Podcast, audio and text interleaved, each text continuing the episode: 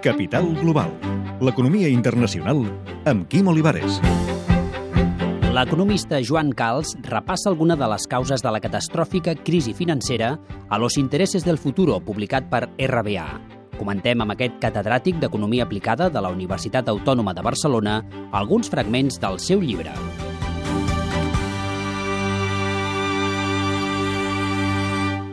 Per l'economia i el medi ambient sovint caminen en paral·lel i no s'acaben trobant.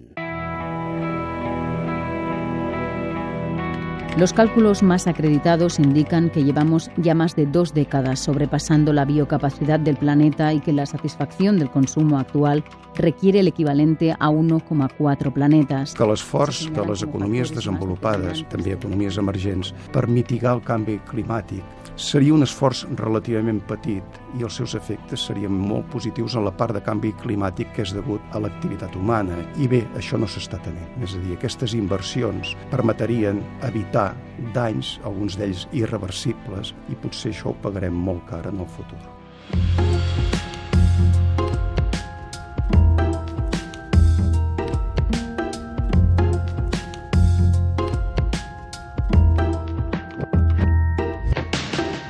Aún no ha pasado un lustro desde que la tesis de la refundación del capitalismo fuera defendida como necesaria y posible por sectores, pensadores y líderes de opinión de un amplio espectro.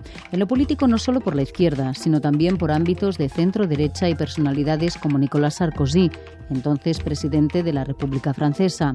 El clima de pánico y ansiedad de finales de 2008 y 2009 arrastró a muchos a apuntarse a este discurso. Però les ànsies reformadores del capitalisme s'han esvaït amb el pas dels anys. El capitalisme té elements desestabilitzadors molt importants. Els mercats financers, sense una regulació adequada, són en si mateixos molt desestabilitzadors. Algun dels mitjans que s'havien apuntat, per dir-ho així, aquest replantejament a fons del capitalisme ho han substituït per fórmules més light, com de l'estil, per exemple, capitalisme en crisi. L'autor també recorda que ni el Banc d'Espanya ni el mateix Fons Monetari Internacional van preveure la crisi. En 2006, el sistema financiero español era considerado brillante, fuerte, altamente competitivo y bien supervisado y regulado.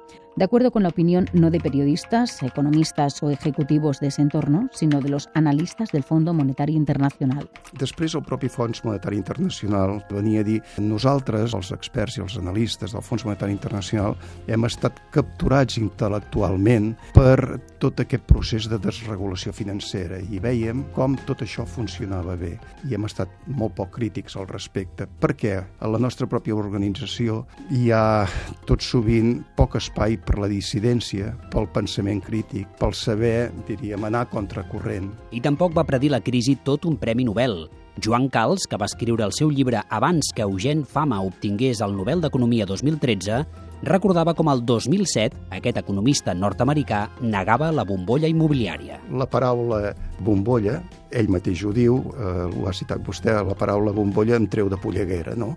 Doncs no n'hi poden haver, si els mercats són tan eficients, no hi poden haver bombolles. Però escolti, vostè què diu? I això ho diu en plena eh, explosió de la bombolla immobiliària. Com ens podem creure llavors les seves investigacions, no?